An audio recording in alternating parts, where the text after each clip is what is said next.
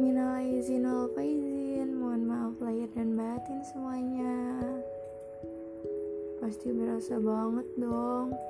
Lebaran kali ini beda banget. Sedih deh. Tapi gak apa-apa. Semoga kita bisa ketemu sama Ramadan tahun depan dan ngerasain lebaran kumpul sama keluarga besar lagi ya. Oh iya.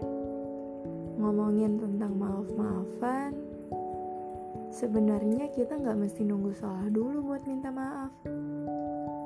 Tapi kalau emang kita membuat kesalahan ya tentu harus minta maaf dong. Mungkin buat beberapa orang perlu waktu untuk memaafkan kesalahan seseorang. Tapi nggak apa-apa. Yang penting niat kita buat minta maaf udah tulus ke orang yang kita tuju. Nggak perlu malu gengsi juga sih. Kan kadang kita nggak sadar sama kesalahan yang kita lakuin. Minta maaf nggak bikin kita jadi rendah kok. Dan memaafkan juga bukan berarti memberi kesempatan untuk ngebuat atau ngulangin kesalahan lagi sih menurutku.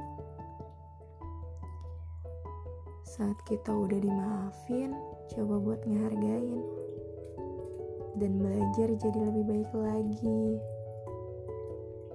Salah itu wajar kok. Kadang untuk menjadi benar kita mesti salah dulu. Kita juga perlu belajar kan? Sabar. Jangan jadi pendendam karena suatu hal. Saat saling memaafkan bisa membuat semuanya baik, kenapa nggak kita lakuin? Jangan sampai belum sempat minta maaf atau memaafkan, kita malah menyesal nantinya. Bukannya selalu ada hal baik yang kita dapetin dari sebuah kesalahan. Tetap berpikir positif aja. Kan setiap pertikaian pasti ada jalan keluarnya. Jangan terlalu emosi ya.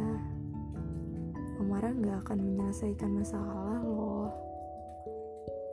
Coba buat tenangin hati untuk saling memaafkan. Ya, walaupun mungkin masih ada sedikit rasa sakit atau kecewa, kita harus bisa memaafkan. Memulai kembali dan biarkan itu semua berlalu dengan sendirinya.